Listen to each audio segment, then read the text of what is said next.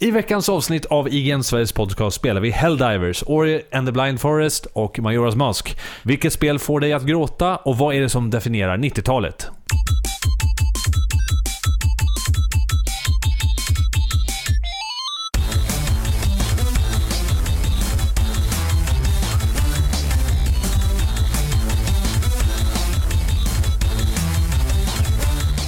Hej och välkomna till IGN Sveriges podcast avsnitt 90. Tjoho och grattis till oss. Tjoho, det är bara 10 avsnitt kvar till, till 100. Till den stora hundringen. Förra veckan var inte jag här. Då var det du och Viktor som hade det trevligt tillsammans och pratade Blizzard.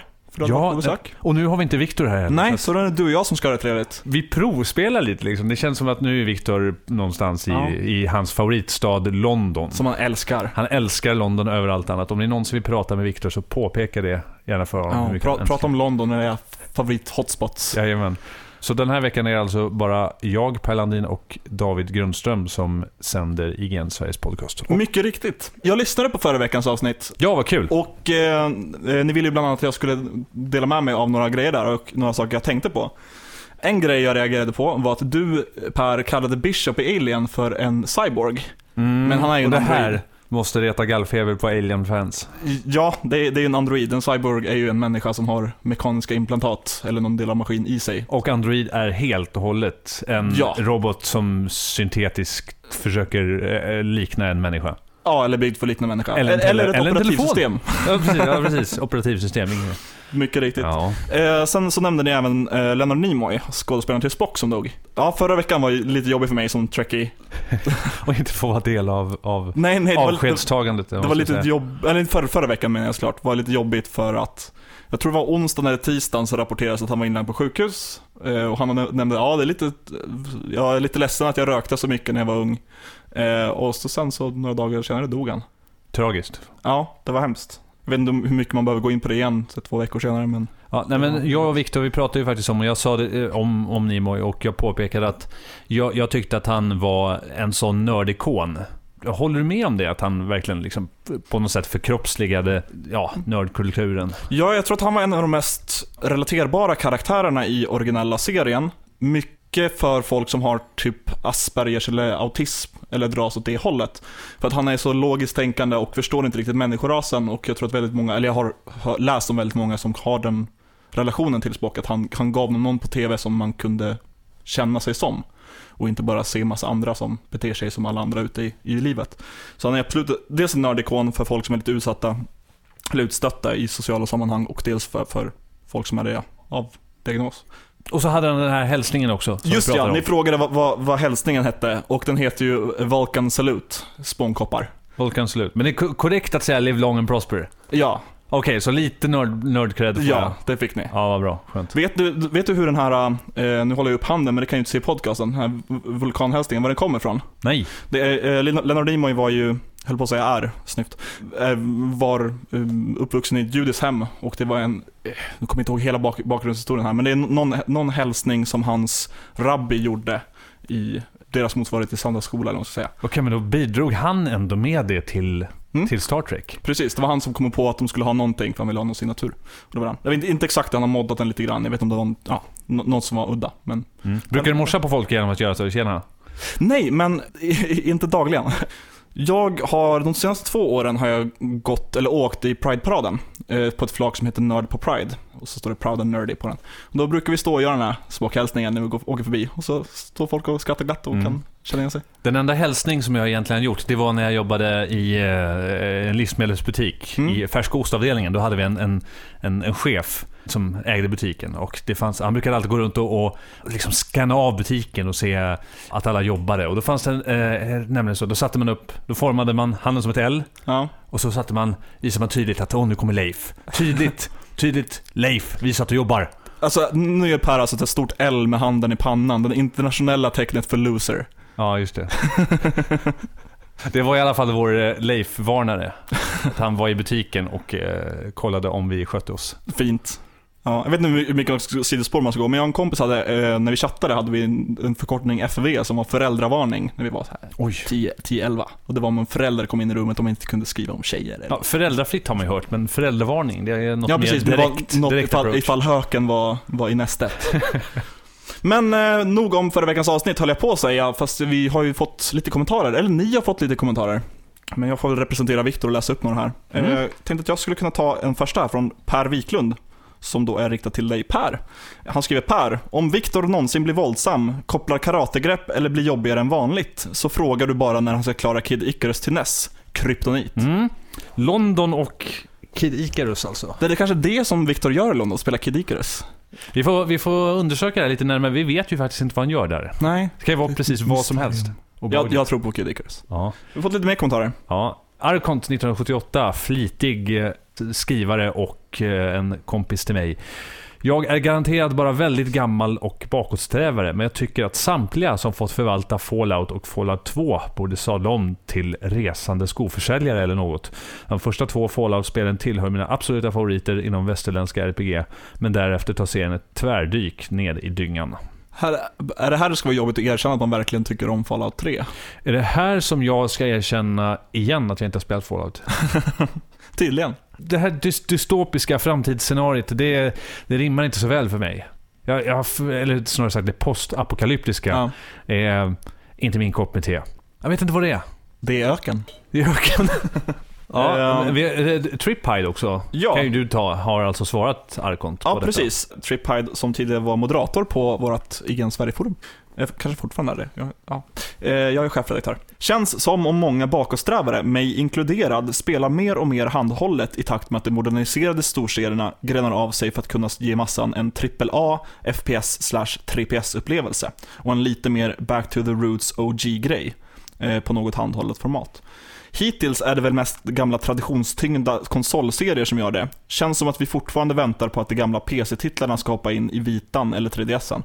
Tror Fallout skulle spelas magiskt bra med en stylus. Tror, tror du det? En pekskärm, Fallout.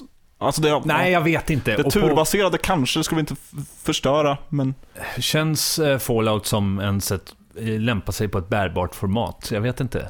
nej, det känns som att man vill sp- spela i långa ta- etapper och jag tycker inte om bärbart som är för, för mycket. Nej, precis. Det ska kunna ske i gå kort och snabbt. Mm, jag spelar ju Majoras Mask nu för tillfället på 3DS. Och det, det, jag kan ju inte spela det om jag inte sitter i en soffa eller tar mig tid. Ja. Hur är den upplevelsen? Den måste du faktiskt, det får vi djupdyka i lite snabbt.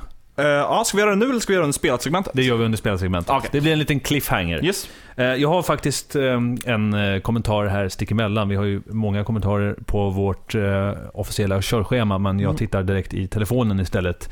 Viktor och jag pratade ju, eh, vi gick in på sidospåret choklad i förra avsnittet Ja. och kom in på att chilichoklad kunde vara både vidigt och jättegott. Eh, Smärt dock har skrivit till oss och säger choklad kan mycket väl smaka chili, gärna med en god mörk rom. Ja. Det kan jag ställa mig bakom. Eller Eh. nej, jag, skippa romdelen. Jag tycker verkligen inte om det. Jaha, men du kan alltså, du köper helt och fullt att eh, choklad kan smaka chili? Jag, jag köper helt och fullt att chilichoklad är gott. Okej. Alltså faktiskt choklad med chili. Okej, men det är valet och kvalet mellan en, eh, en eh, choklad med mint eller choklad med chili. Då väljer jag definitivt choklad med chili. Va? Ja. Åh fan. Ja, det är väl mig det är fel på. Ska du ta sista kommentaren också? Det kan jag göra. Eh, från Nightswipe. Också återkommande kommenterar. Fick syn på Shantae på min Wii U's huvudmeny för någon vecka sedan. Efter att ha kikat upp en recension laddade jag ner det. Fasen vad positivt överraskad jag blev. Så en glad smiley där. Aldrig vetat om serien tidigare så jag gjorde som er och kikade upp tidigare spel plus kickstarten. Synd att stretchmålet för Shantae One and a Half Genie Hero, eh, som spelet ju heter, inte nåddes fullt ut. På tal om 2,5D. Ett annat spel ni kanske bör nämna är det nyligen utannonserade supermagiska Trine 3, som ju ser ut av trailern att döma att byta mellan perspektiven. Eh, grattis Per, om två månader är det min tur att bli 30. Tack så mycket med Night Swipe. Jag har inte sagt grattis till dig i podden, grattis Per. Tack så mycket David. Gubbe. Som, som jag skrev. Aj vad träffande. Åh, nej vuxen, det är ingen ålder, det är ett ord. Jag skickade alltså ett sms till Per innan vi spelade in. Eh, han kom ju sent en gång och vi har valt att terra honom för det. Ja, fan vad jag får äta upp för det. Det är helt Ja, otroligt. Jag skrev, du, du kommer väl ihåg att vi spelade in podd klockan 18.00 och sen en liten winky smiley face. Får jag svaret, vad då för något? Och blev lite, jag blev lite orolig, inte för att, det var, att du hade blivit gubbe, att inte förstod vad du pratade om, det var ju skämtet. Jag trodde att, jag, att du hade bytt nummer eller Ja. någonting, jag smsade någon Det, det bästa är att jag har inget som helst minne av det här. Och jag kan bara utgå från att jag på något, på något ironiskt sätt försökte då låtsas om att jag var en gammal gubbe Jaha. som redan glömde bort vad du menade. Men jag vet inte, jag minns ärligt talat ingenting. Jag svarade internetradio och sen fick jag inget svar. Och så var, kommer Per komma? Ja, just det. Internetradio. Ja. Vet du vad pensionärsinternet är för något? Facebook. Nej, text-tv. Ska tydligen ha den moderna benämningen av pensionärs-tv. Eller pensionärsinternet.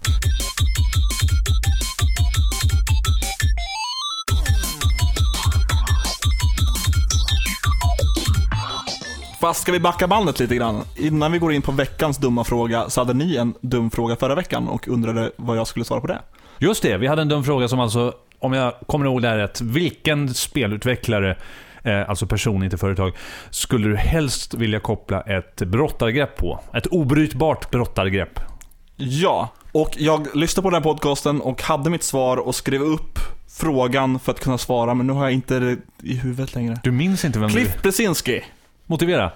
Jag tror inte jag skulle lyckas få in ett, ett brottargrepp på honom, men om jag skulle kunna göra det så, så känns det som en, en feat. Han är lite biffig. Jaha, han också. Ni vet, du, Victor valde också Biff. Ja, han, han valde Andrea Pesino från eh, eh, Reddit Dawn, The Order. Det måste ju finnas roligare personer att koppla grepp på. Något elakt. Ja, vem skulle det vara? Hid- Hideo Kojima, nu ändrar jag mig. okej, ja. Han ska brotta ner. Och så ska han vara, ty- han ska vara silent och vara fin att titta på när han är nedbrottad. Jag trodde du skulle säga att han skulle vara quiet, men... Ja, Qui- Quiet hette hon ja. Ja, just det. Det var det jag Men jag, förstod, jag förstod din pik. Yes, andemeningen. Eh, veckans dumma fråga är Mm. istället, och jag citerar, Vilket spel har fått dig att gråta? Vill du eller gå först eller ska jag?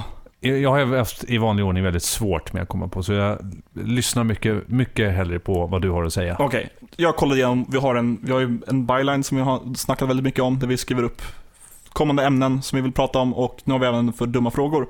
Och så den här frågan och tänkte direkt på att jag har ett väldigt dumt svar på det här. Åh, vad kul. Ja. Perfekt. Som jag har pratat om förut, jag tror inte i den här podcasten, men tidigare i min eh, tv-spelsskribents historia. Eh, jag, jag satt och storbölade när jag startade Elder Scrolls 4 Oblivion första gången. För er som inte har spelat det så börjar det med att Jean-Luc Picard, vad heter han? Det här borde jag som Star Trek-person veta. Patrick Stewart. Ah, Eh, Patrick Stewart som gör rösten till kungen i Elder Scrolls 4 grym skådespelare. Grym skådespelare, grym, grym röstskådespelare. Tar sig an allt han, som kastas på honom. Ibland skitroller, men han gör det bra. Babblar lite grann om det här är mitt land, så här ser det ut och jag är synsk och idag ska jag dö. Och så slår det till med den här stora fanfarmusiken som är från Elder Scrolls 4 och en kamera flyger runt i Cyrodiil. Och det här var precis övergången från den generationen in till vad som var 360 och en ny kraftfullare våg av PC. Jag spelade på PC på den tiden. Och det var så överväldigande vackert tyckte jag. Och jag kunde inte, jag kunde inte hålla mig. Jag, satt, jag var 16 och satt och storbölade åt hur, hur vackert det var och hur, hur bra det lät. Och, Det här tycker jag är fint. ja, jag tycker det är så dumt spel, alla spel man kan gråta till. Jag har fått så enormt starka känslor av spel, men jag, jag är inte en person som gråter så mycket.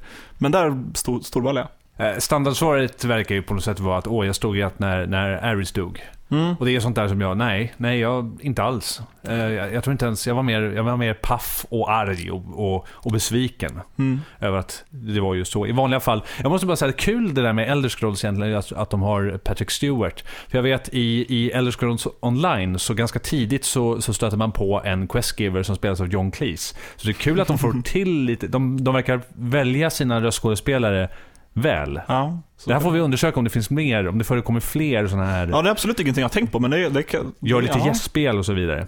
Eh, Men tillbaka till dumma frågan då. Jag är inte en person som, som gråter, jag är inte i kontakt med mina känslor. Nej, däremot så blir jag väldigt så här, du vet, att man får det långt upp, man sitter och bara biter sig i läppen och, och, och nästan försöker pressa fram tårarna. Man känner det här, Det är dags nu. ja, de eh, under, eh, undervälvande känslorna, jag är så dålig med ord. Och oftast är det knutet till någon form av, eh, av musik, den, den setting de skapar med, Mm. med musik. Jag spontant kommer bara att tänka på, eh, jag tror att den heter Coinsong i Final Fantasy 6 när Edgar och hans bror eh, Sabin står och pratar om hur, hur dåligt det är på slottet och att någon av dem ska få, få vara fri och de, de singlar slant.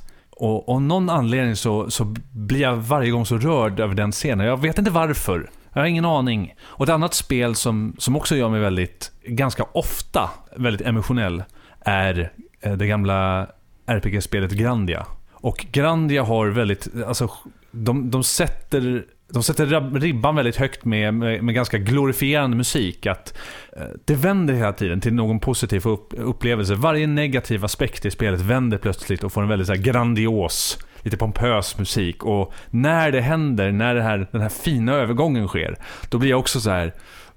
Fan vad fint, som du nästan var inne på med, ja. Ja, med Elder Scrolls. Nej, musiken. Stor bidragande orsak. Jag tror faktiskt jag kan relatera väldigt mycket till att det är just musiken. För det var ju något jag nämnde med hela Elder Scrolls-grejen. Och jag har inte gråtit mycket till film, inte till mycket till tv-serier, inte mycket till spel, men däremot musik. Typ livespelningar med musik jag verkligen tycker om. Och när jag väl gjort det till film, tv-serier och annat så är det ofta musiken. Med undantaget Louis finns en tv-serie där hans mamma eh, är schysst mot honom när han är kid och inte vill vara kristen. Men ja, musik, absolut. Mass Effect också. Väldigt bra på, på att sätta den settingen. Ja. Flera av pianostyckena helt fantastiska. Som också gör att det kopplar an till det känsliga inom oss. Det var lite för bra svar på en dum fråga tycker jag. Men, ja, det, eh, var på tok för seriöst här. men, men kära lyssnare, vilka spel har ni fått er att gråta? Skriv gärna en kommentar. Öppna upp era hjärtan. Som eh, vår, förre stats, vår förre statsminister. ja, just ja. Ja, det var ingen käbbel där inte.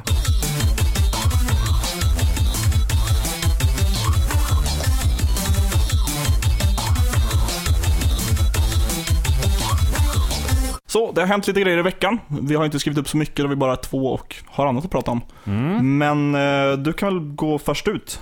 Absolut. Lite relaterat till vad vi snackade om, eller vad ni snackade om förra veckan. Ja, för förra veckan så pratade vi ju Overwatch. Spel som jag var och spelade i eh, Kalifornien hos Blizzard. Och eh, det har varit kul att följa lite grann vad som har hänt. För de släppte ju nämligen bomben, får jag minst sagt säga. Att de släppte en ny karaktär. Saria, ett, ett ryskt kraftpaket. Dessutom kvinna.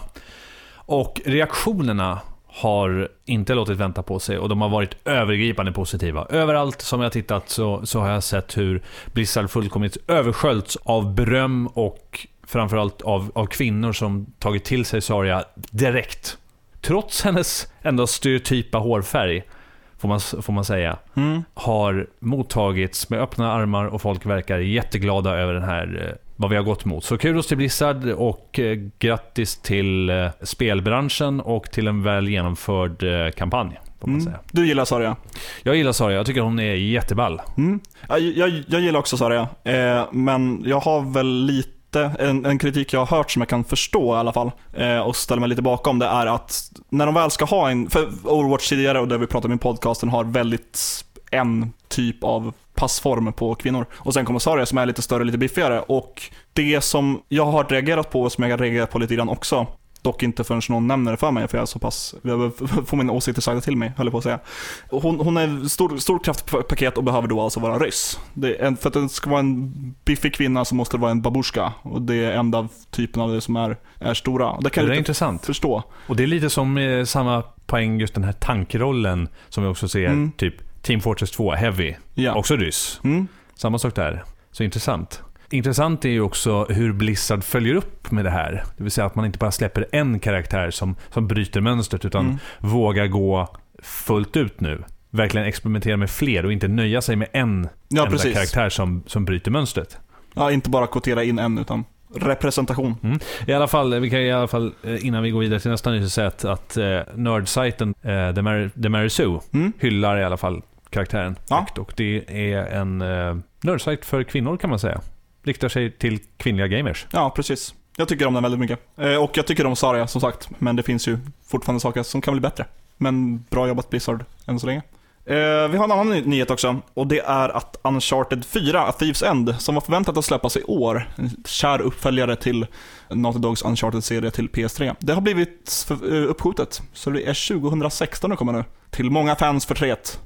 Anledningen då är för att eh, regissörerna Bruce, vad heter de? Regissörerna Bruce Straley och Neil Druckmann har gått ut och sagt att det var ett större projekt än de väntade sig. Det fanns mer historia att berätta, därför måste vi ha mer tid. Och jag tycker att det här är en sjukt bra anledning. Jag tycker alltid när folk skjuter upp spel, gör, det gör ett bra spel istället. Tålmodigt. Ja. Och jag tycker väldigt mycket om Uncharted eh, och har ju längtat efter Uncharted 4 efter Last of Us som inte jag tyckte var så bra.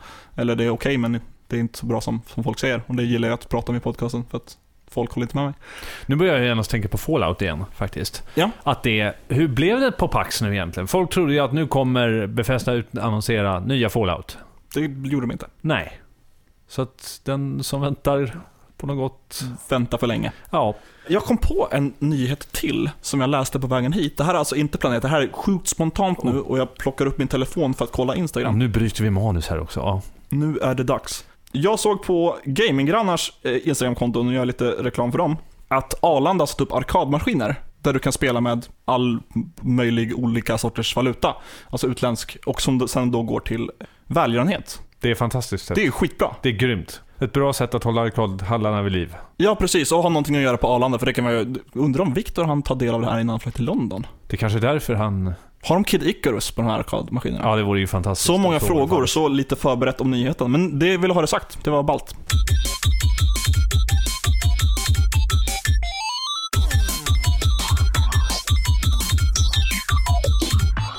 Hoppas ni inte har fått nog av mig, för nu ska jag hålla låda här ett tag. Det här är kul. För att jag har eh, redan förklarat för, eh, för David att jag alltså den här veckan inte har spelat någonting. Jag har länge pratat om att jag ska spela Rayman Origins. Mm. Och att jag ska spela eh, mer Starbound. Ja. Men så har det inte blivit för att jag har varit tvungen att göra annat. Och med annat så är det delvis att jag har spelat Heroes of the Storm. Och det har jag redan berättat om. Det har du. Där- Du, har, du har streamat Heroes of the Storm va? Ja, det har jag gjort. Och mer streams eh, av Heroes of the Storm ska det bli. Kommer det komma någonting efter fredag när avsnittet släpps? Som vi kan göra reklam för. Ja, det är eh, oklart. Inte Oklart. omöjligt. Följ att Perlandin på Twitter, kommer ni att se när det händer där. Men för att kompensera i alla fall så har du spelat en drös med spel. En drös med spel. Vi nämnde det här tidigare, att jag har spelat eh, Majoras Mask på 3DS. Jag tror inte jag pratade om det i podcasten tidigare. Nej. Majoras Mask för mig är enigmat av Zelda-spel. Jag gillar Zelda väldigt mycket, specifikt 3D Zelda, för det är det första jag kom i kontakt med. Det var en lögn, men det är det första jag har spelat mycket av. Men Majoras Mask var någonting jag inte gillade när det kom, för att det var en tidsgräns, fick jag förklarat för mig. Det är inte riktigt så det fungerar.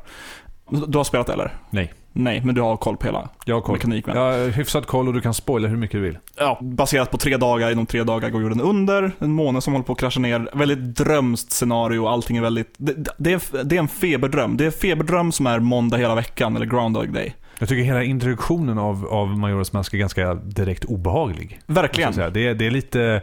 Skitsamma, det är i Ja. alla fall en väldigt obehaglig början och... eh, Just obehagligt, inte av något så här mörker och saker som skrapar där ute, utan det är lite mystiskt och lite, just febrigt. surrealistiskt. Ja, Ja. och just febrigt tror jag är det jag gillar att säga mest om Majoras Mask, för det är verkligen, man går från Ocarina of Time, har placerade karaktärer där och sen samma karaktärer med, fast med nya namn och som beter sig på nya sätt och har nya relationer med varandra. Då tror jag att man som spelare och Link känner sig lite förvirrade, vad är det som händer egentligen? Men jag har alltid haft lite problem med det här spelet. Dels när det kom och jag tyckte det var på tidspress och det var inte Ocarina of Time som jag var van med.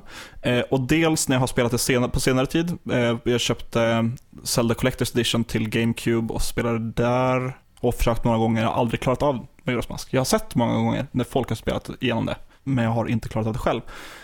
Och jag tror att jag har listat ut vad det är nu när jag satt, ner, satt mig ner och lagt mycket tid på det. Zelda Muras Mask har nästan allt matnyttigt, allt roligt, allt bra med spelet är sidequests. Jag känner inte att jag har ork eller tid för sidequest ofta om det inte är ett spel jag verkligen gillar huvudstoryn i, så jag gillar att ta del av det som är vid sidan av. Men här är det det som är vid sidan av som är det viktiga med spelet.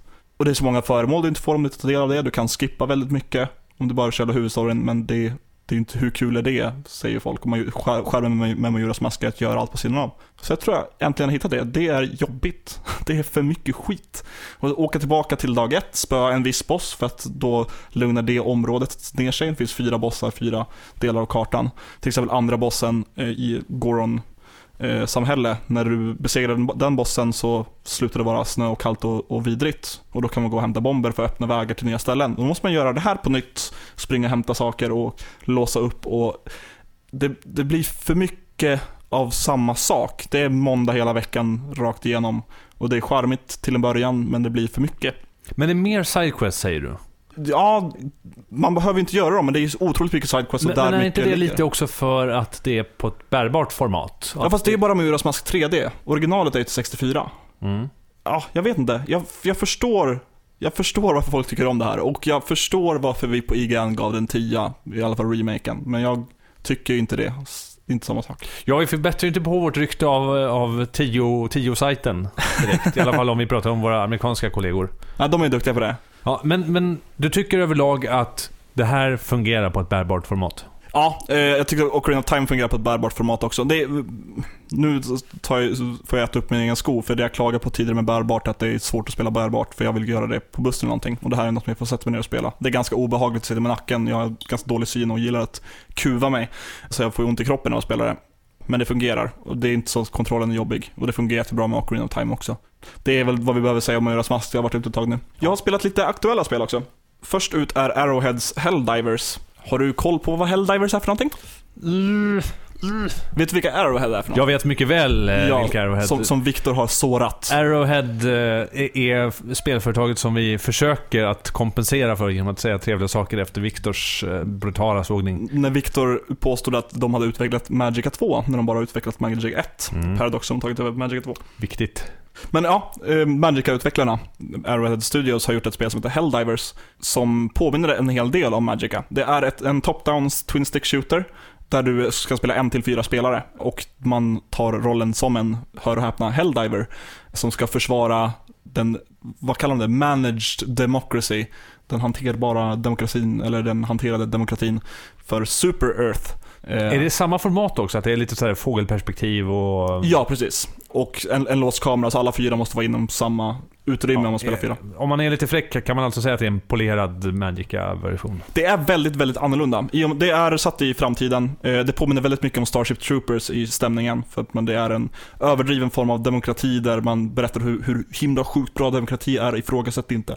Jag tycker demokrati är väldigt bra, jag ifrågasätter inte. Men det är lite perspektivet där och väldigt mycket propaganda. Och tutorialen är på kanske tre minuter och sen berättar de bra, nu är det en supersoldat, ut och döda saker. Och så dör man hela tiden. Det är en sjuk svårighetsgrad på det här spelet. Man får, välja, man får ett skepp, man får välja en planet att landa på. Och planeter då, har då svårighetsgrad 1 till 12. I början måste man köra lite enklare grejer. En twin stick shooter som sagt, du går med ena spaken, siktar med andra, skjuter med en knapp.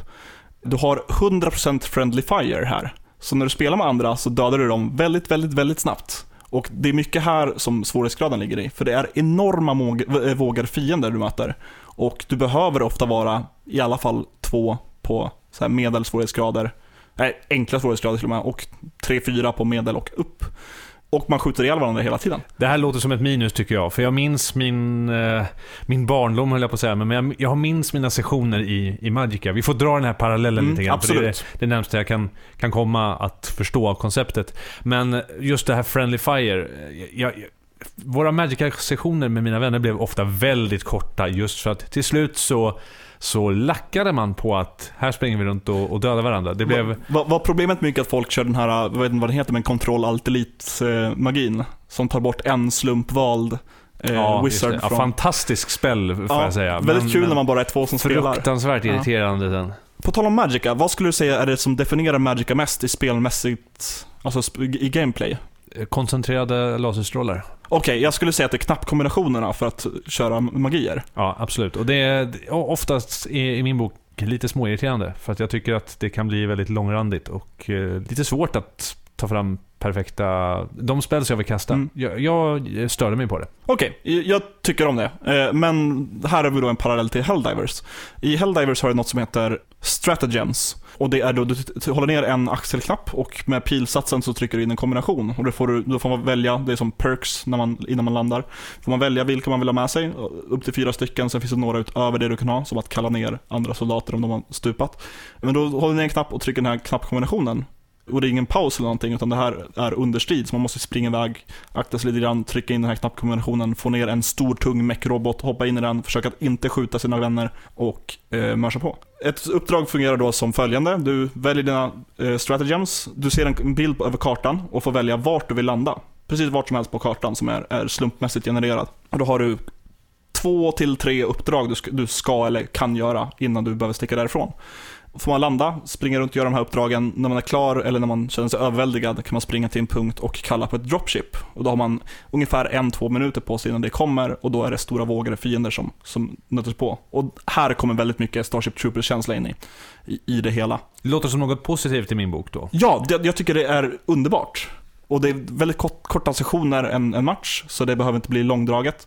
Väldigt bra svårighetsgrad skulle jag säga, trots Friendly Fire, för man lär sig att sikta och det finns ett reportsystem om det blir för jobbigt så man kan om folk skjuter väldigt mycket på varandra och blir reportade så får de spela mot varandra och bli skjutna själva. Men hela den här, speciellt sista etappen när man väntar på ett, ett, sitt, sitt dropship, att stå och eh, fejda bort fiender, det är häftigt. Så har de ett system crossplay först och främst, så det finns till PS4, PS3, PS Vita. Alla kan spela med varandra. Och allting är på en global karta, där du har en stor bild av Super Earth i mitten. Och så har du tre olika kanter av galaxen, där du har dels eh, cyborgs, som är rebeller från Super Earth som har stoppat in robotdelar i sig själva och blivit hemska, enligt Riktiga cyborgs, inga androider. Precis, inga androider Per. Eh, sen har vi, vad heter de, typ Arachnids, nej. De, heter, de är inte insekter. Det är, speciellt det är väldigt mycket Starship Troopers. Ja, men alltså märks det? Alltså, är det övertydliga referenser till Starship Troopers? Ja, till, till väldigt mycket sci-fi, men definitivt Starship Troopers. Enorm pro propaganda från första början. Och sen har vi en tredje ras som heter Illuminate, som är typ robotar.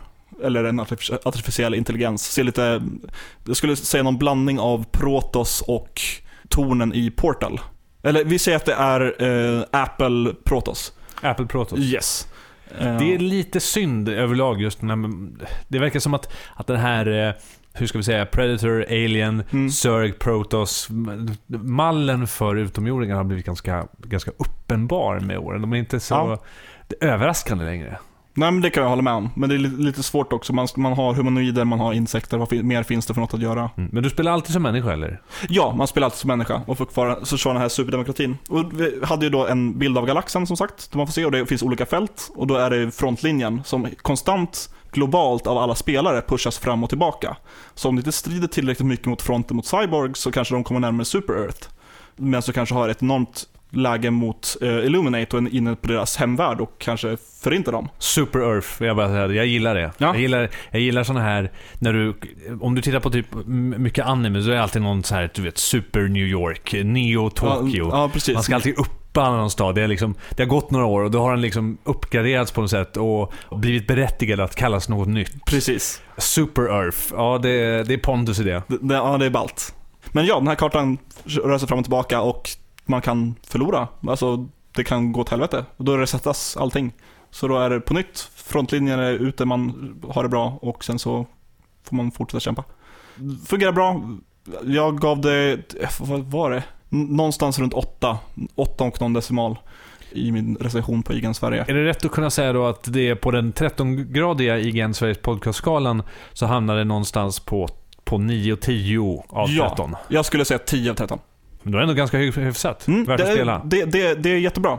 Eh, absolut värt att spela. Och det, det, finns ju enklare nivåer om man, om man tycker det är jobbigt med svårighetsgrad, men jag tycker det var mycket charm. Det, det, som jag upplevde med deras tidigare titel, så, så tycker jag spelbarheten var ganska kort. Banorna var, var ju ganska linjära, väldigt kul story. Men det blev ganska tjatigt väldigt fort. Hur upplever du det här? I och med att det är konstant skillnad eller eh, differens på vart frontlinjen ligger och att man har olika eh, mål att jobba mot. Eh, många saker att låsa upp, det tar ett tag att få. De beräknar cirka 40 eller 50 timmar för att låsa upp allting i spelet. Men efter det finns det fortfarande åter omspelbarhet om man tycker om det. Det är konstant, alltså all, varje karta är slumpgenererad så det finns inget sånt återkommande, men man känner igen allting. Det är ett top-down perspektiv.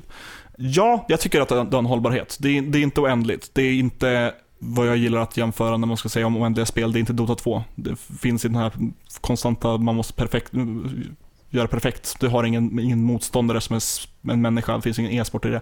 Men det håller, det håller länge och det är absolut värt de, vad kan det vara, 20 euro det kostar. 200-300 kronor. Det är allt jag behövde veta. Mm. Har du spelat något mer? Ja, jag sitter för tillfället och spelar och önskar att jag hade spelat mer så jag hade haft, kunnat haft min recension uppe. Den kommer nog vara uppe när det här inlägget, eller den här uh, podcasten är släppt. Jag håller på att spela ett Metroidvania som heter Ori and the Blind Forest. Och det här är kul för mig som på riktigt och upptäckt Metroidvania-serien nyligen. Du är lite nyfrälst, kan man säga så? Det kan man absolut säga. Jag har spelat Super Metroid och älskar ju det. Så överlag så ogillar jag den här termen Metroidvania. För mig Ja, det är är, det väldigt två, två distinkt olika Ja. spelserier. Men jag förstår mycket väl vad du menar. Mm. Och vad andra menar när de använder titeln Metroidvania. Så. Ja, Ora and the Blind Forest handlar om en liten, vad ska vi säga, en skogsande som man spelar som. Som flyr från pappaträd, sticker ut i vida världen och hittar en adoptivmamma i form av en stor björnliknande grej. Har en enormt stark introduktion. Har du sett filmen Up? Pixar, gammal gubbe som släpper ut ballonger. Nej. Jag har sett mycket klipp av den. Mm, har- Sporadiska klipp. Har, har du sett det viktigaste klippet, alltså som är det, viktiga, det, det, det bästa med filmen, det, det man kommer ihåg med filmen? Den första, första segmentet, där han går från barn, träffar en liten flicka, flyttar in i ett hus, växer upp, blir gammal och hon dör. Nej. Okej, det, Nej. det måste du titta på sen. För det är den absolut bästa liknelsen jag Alltså min cred sjunker ju extremt i det här. Ja. Det här är nog den värsta podden någonsin. Här mycket. Jag hade ju verkligen behövt att du hade sett det här, för nu får jag bo- bolla lite grejer, nu säger jag saker åt dig. Ja. Ja David, du menar att det känns hemskt. Ja Per, det känns väldigt hemskt när man spelar det för att det är ett väldigt hemskt kort segment. Det först är det väldigt fint och eh, trevligt och sen blir det mörkt och i stort sett hela prologen handlar om att se väldigt, väldigt gulliga djur må skit och typ dö. Är det något man kan gråta över? Jag tror absolut det. Jag, jag tror att utvecklarna vill att man ska göra det. Men ja, jag gav mig in i det här, visste inte riktigt vad det var. Jag bara fick en kod, slängde in det i min Xbox One och började spela. Och först tänkte jag, ja det är charmigt fint, hur länge ska det här hålla på? Och sen började själva spelet, som då av introduktionen att, dömas tror jag att ja, men det här kommer att vara någon form av plattformande som är sisådär. Men sen helt plötsligt öppnar det upp sig och blir ett skitbra Metroidvania. Eller ja, utforska spel i 2D. Mm. Till en början kan man bara springa runt och hoppa, man får akta sig för alla fiender. Man hittar ett litet träd som man kan prata med och får en liten boll. Den här lilla bollen är en annan ande som tillhör samma träd som man har rymt från och gör att man kan skjuta. Inom en, det är automatiskt att den skjuter saker i ens närhet eh, tre gånger, innan- sen måste den ladda om. Du springer och plockar på dig vapen. Och, som ger dig olika Ja, förmågor. eller krafter, precis. Så helt plötsligt har man den, kan börja kämpa tillbaka. Man får ett dubbelhopp, man får möjlighet att hoppa, hoppa mellan väggar eller på samma vägg. Man kan alltså hoppa mot väggen sen klättra upp. Man får möjlighet att klättra på väggar sen. Konstant utvecklade saker som väldigt pedagogiskt ofta eh, visar dig hur du ska göra det och sen så är det en förlängning av en själv. Och det blir ett mer smidigare och smidigare eh, spel. Man känner sig så otroligt snabb, smidig, underbar när man rör sig fram på banor och man kommer tillbaka till, för det är en del backtracking, när man kommer tillbaka till områden man varit tidigare kan man helt plötsligt ta sig till nya, nya ställen. Ja, ett Metroidvania, du förstår vad jag pratar om. Och det känns otroligt smidigt och snabbt och, och precis. Det här är Däremot, bra egenskaper för ett plattformsspel förut. absolut. Däremot finns det en viss del av trial and error som jag inte riktigt tycker om. Vissa delar, som sagt, det är ofta pedagogiskt, ofta. Ibland så är det, aha, nej, nej, så där skulle du inte göra, nej, jag hoppar ner där, nu, nu, nu tänker du inte efter. Och sådana moment kan bli lite jobbiga, absolut. Vilket är ett av de största minusarna med spelen, de, de punkterna. En annan grej som är både positivt och negativt, det är hur sparpunkter fungerar. Man har typ energy tanks liknande saker som kan användas dels för vissa eller en specifik attack som är en uppladdningsbar grej som exploderar, lite som Samus uppladdningsbara attacker, fast den då använder en, en, en form av energitank man har med sig och kan då få flera av. De här energitankarna fungerar också som sparpunkter, så du kan när som helst på kartan hålla inne B på Xbox One som jag spelar på och få en sparpunkt. Och där har du också en punkt där du kan utveckla eh, färdigheter. Man har tre olika vägar att gå och utveckla. Så man skadar lite mer, eh, kan göra ett trippelhopp istället för dubbelhopp när man väl fått den möjligheten. Eller tåla lite mer, få lite mer HP när man tar upp en sån boll. Och det, det är väldigt skönt att kunna göra det var som helst och det är väldigt kul att det blir lite besparande tänk i det. Eh, Man kan inte göra det varje steg, men man behöver heller inte tänka på det på samma sätt som i till exempel Resident Evil, där man måste spara väldigt mycket bläck. Fast det är vackert. Jag älskar den Mm. mekaniken. Jag tycker att man borde experimentera överlag mer med just sparfunktionerna. Det Ja. känns som att så mycket, vi är inne i den här autosave-eran. Ja. Det blir väldigt bekvämt sätt, men att, att spara är ju en del av spelet. Som, För många spel, absolut. Ja, så spelutvecklare, jag vet inte om ni sitter och lyssnar, men Ja, och faktiskt. återgå inte till faktiska sparpunkter som standard som det var förut, för det är hemskt. Vi vill se bläck i alla spel. Resident Bläck i alla Evil, bläck spel. i alla spel. Men det är absolut någonting att experimentera med och föra tillbaka i viss mån. Och göra spelaren väldigt, väldigt medveten om. För det är jobbigt när man spelar vissa japanska RPG nu för tiden och måste spara och har glömt att göra det och så var två timmar borta. Mm, inte kul. Men det här är ett bra spel. Det här är nästan av, av de som vi har pratat om nu så låter du mest exalterad. Ja, verkligen. Det här, av de tre spelen jag spelat är det här det bästa. Och en recension kommer vara uppe och det kommer få bra betyg. Jag vill nog inte 13. sätta någonting på 13 graders skalan än. Nähä, okej, spännande. Eh, Du faktiskt. vill spara det till... eh, Vi kan köra det nästa avsnitt. Mm. Innan vi går in på nästa segment som är ämnet, så, så jag har förvisso spelat, Mm. men det här som jag vill avsluta med är saker och ting som blir ospelat. Där allting försvinner. Det är nämligen så, eh, jag kom ut i ett tidigare, nu är jag förbannad. Nu är du förbannad. Nu är segmentet Per är förbannad igen. Nu är jag försiktig. I tidigare podcast så kom jag ut med, som, som Brony och Ja. att jag spelade ett eh, mo- mobilspel som heter My Little Pony någonting på telefonen. Nu är det så här, Microtransactions are magic. precis. Och när jag hoppar in häromdagen så är all min progress för två veckor resettade och borta. Finns det något mer, något mer demotiverande än att se all sin progress borta? Jag går, det, nu, det, jag går tillbaka till får sådana här tankar om till exempel när batteriet i ens Gameboy-kassett och mina Pokémon-gubbar är, är så raderade eller att minneskortet har pajat. Ja. Jag har samma känsla. Jag, jag vet ingen känsla som är så hopplös som att känna att all progress som man har lagt ner, det är bara borta. Två veckor bortkastat. Det är som den här klassiska när man lånar ut en sparfil till en, ett, ett lilla syskon som tar bort den. Åh gud, ja där kan jag relatera också. Tror jag. Inga, inga hard feelings Ninni. Jag tror att jag har gjort detsamma mot dig. Eh, nej men man vet ju inte heller om... Jag, jag vet inte om jag kan fortsätta med det här spelet. För jag vet inte om det kan hända igen. Det här är skandal. Gameloft, skärpning. Jag vill ha, jag vill, jag vill ha något att spela på telefonen. Jag vill ha min tid tillbaka.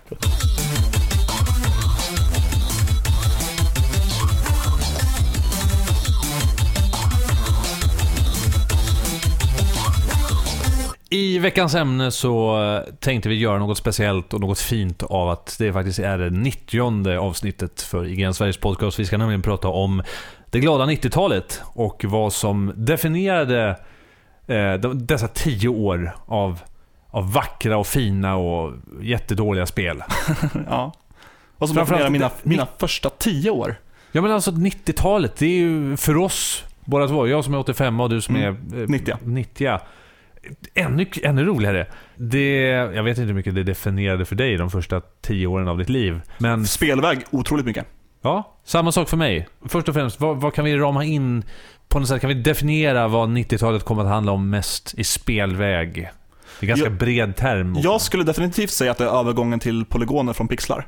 Att man gick från NES och SNES och över till 64 och Playstation och att man började köra 3D-grafik. Och, Från kassett till skiva också. och kassett i 64-fallet. Men ja, absolut. Och sen konsol, konsolväg, det är lite av Super Nintendo och Sega, Playstation och N64 som Mm. definierar den tiden, inte sant? Väldigt mycket Sega om man tänker i Europa. I alla fall första halvan av 90-talet. Så Sega, i Sverige var det ju otroligt populärt. Jag kan inte tänka på något annat, någon annan era där konsolkriget var så påtagligt. Vad vi än pratar om idag när vi är Sony, eh, Sony, Sega, Nintendo, Sony, Microsoft, eh, Nintendo, så är ju ändå 90-talets era mellan Sega och Nintendo för Mm. mig egentligen den största i mannaminne. Ja, Ja, som i- kändes ibland- så definierad. Ibland känns det som att främst Sony skulle jag säga försöker starta lite små så här skojfejder. Men vi har inte den här Sega does what Nintendo don't. Vi har inte den här faktiska konsolkriget. Vi har lite lätt, lite lätt retande bara. Men det var en era där vi var tvungna att bekänna färg. Just att Ja. man måste, eh, var man Sega, var man Nintendo. Är du hårdrock eller syntare? Ja, det kanske var mer 80-talet, jag vet inte. det är möjligt. Det är möjligt. Eh, Jag är förvisso född på 80-talet, men jag kan inte svara på... K- kanske inte han blir hårdrock eller syntare dina fem Nej, första år. jag var nog lite mer allätare. Det, Du, var- du var slager och blev slagen av båda. Nej, gud för fan, inte slager. Men vad, vad, hur, vad definierade 90-talet för dig i spelväg? väldigt mycket RPG. Väldigt, väldigt mycket RPG. Först och främst, jag tror att jag fick... Min första konsol var Nintendo, 8-bitars. En konsol som jag fick ärva av mina kusiner. Som förvisso inte hade eh, några RPG, nu får jag tänka efter.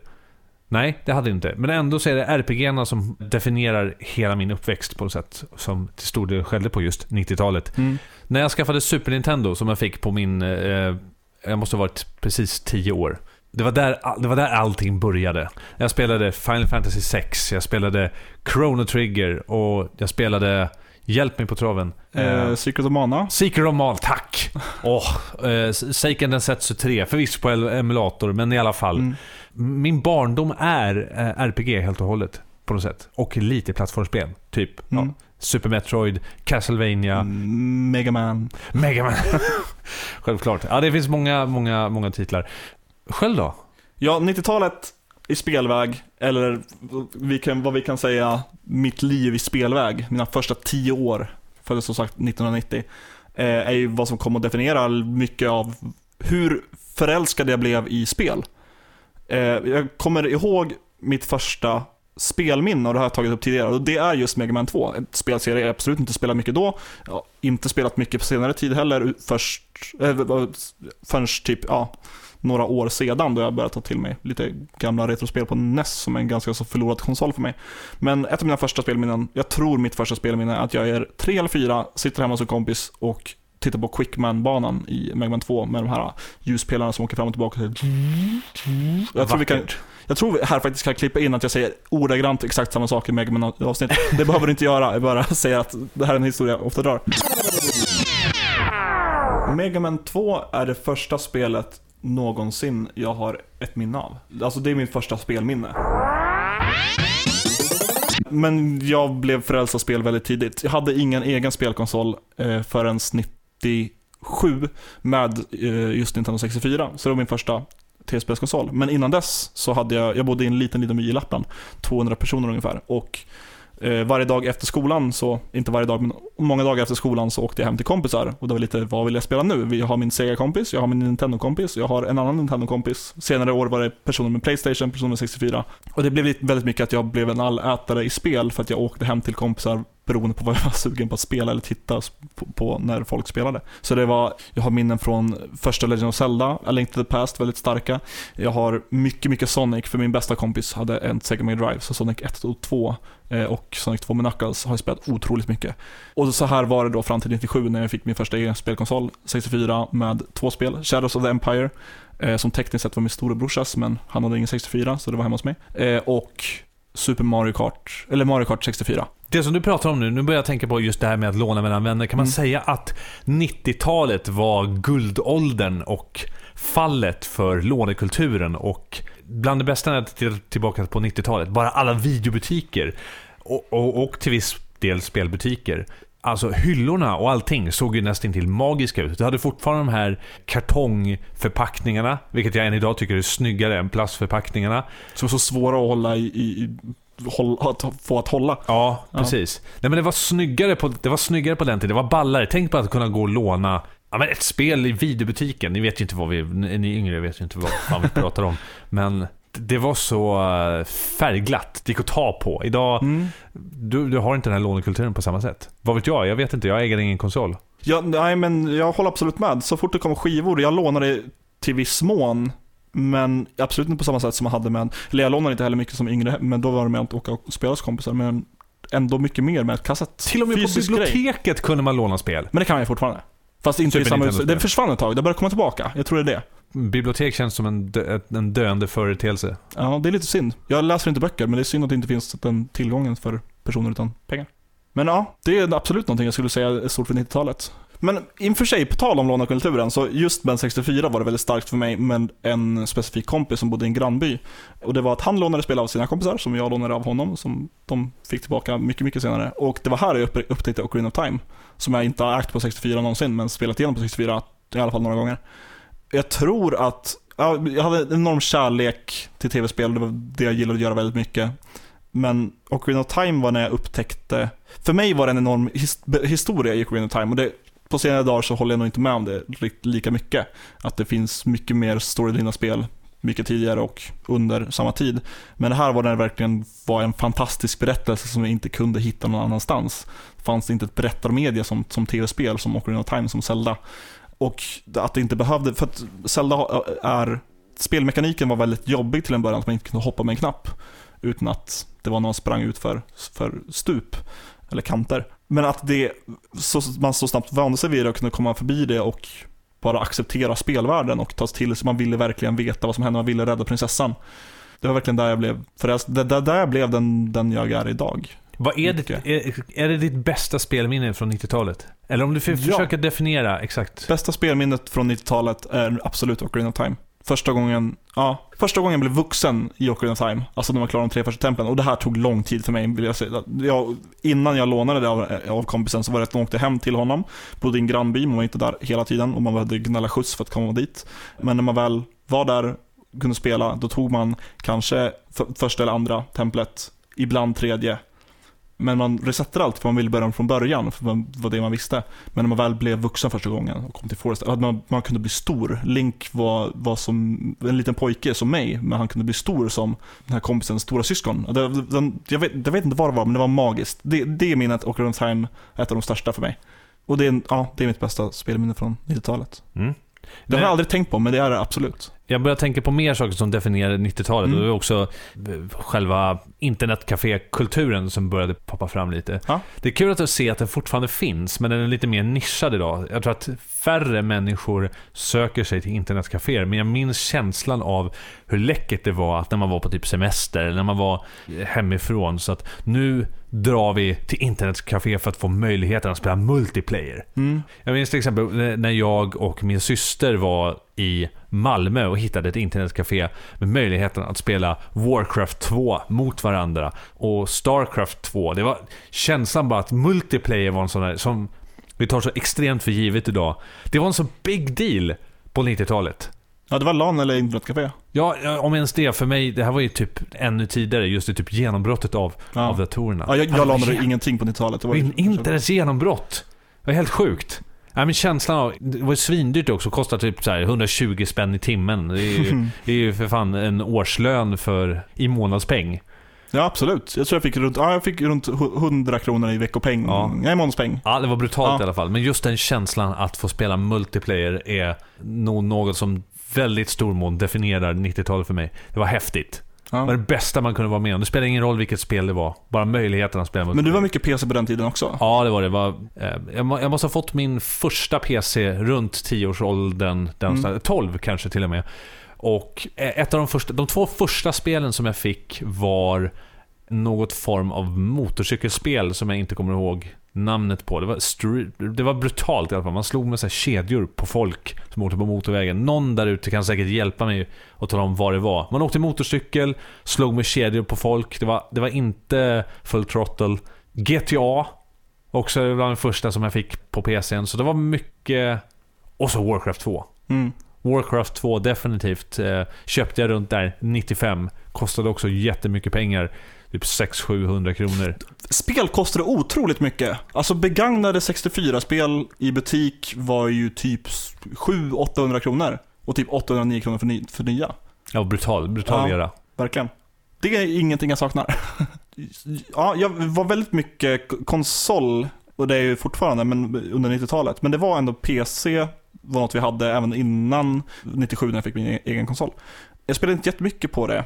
Utöver, eller jag spelade väldigt mycket hela tiden och klart mycket PC men inte mycket minnen från. Men jag kommer ihåg att vi köpte en dator någon gång efter den här 64 och köpte, pappa ville ha någon flygsimulator så han köpte någon, det heter bara Flight Simulator 2000 eller något dumt. Ja, med joystick. Med joystick. Stor så här plastig joystick Stor, med två knappar. enorm plastig joystick. Med den här joysticken fick man med ett demo till ett spel som heter Incoming. Det kommer jag ihåg att spela. Man, för, första banan var man en torn, sköt på saker som rörde sig. Andra banan var man ett, eh, en helikopter och sen fanns det något man var flygplan.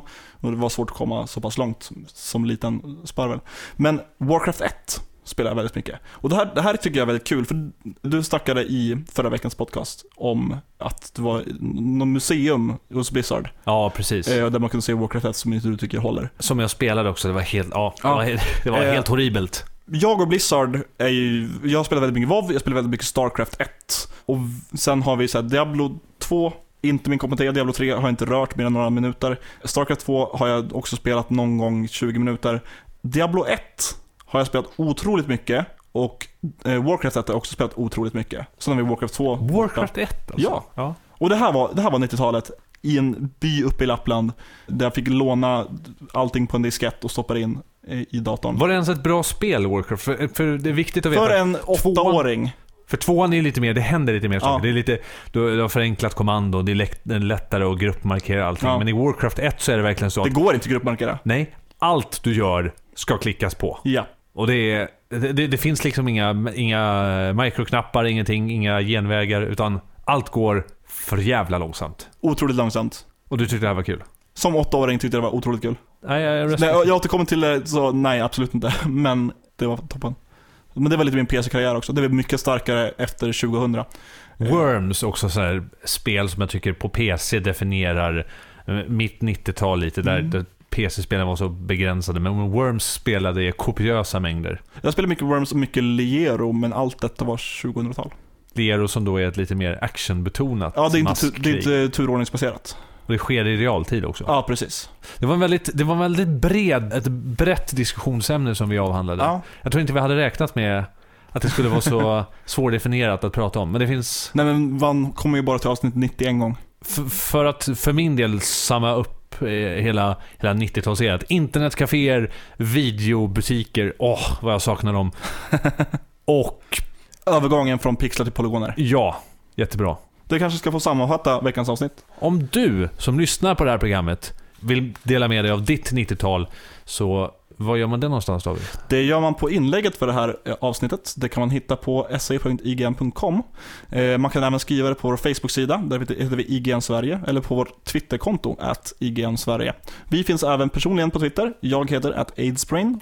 Eh, Viktor, som vanligtvis är med i det här programmet, hittar du på Viktor at Viktor Schustrom, utan Ja, at Viktor underscore Sustrom, tack. som man brukar säga. tack. Och, Och du, hittar du på at Perlandin. yes. Och kom även gärna ihåg att svara på den dumma frågan.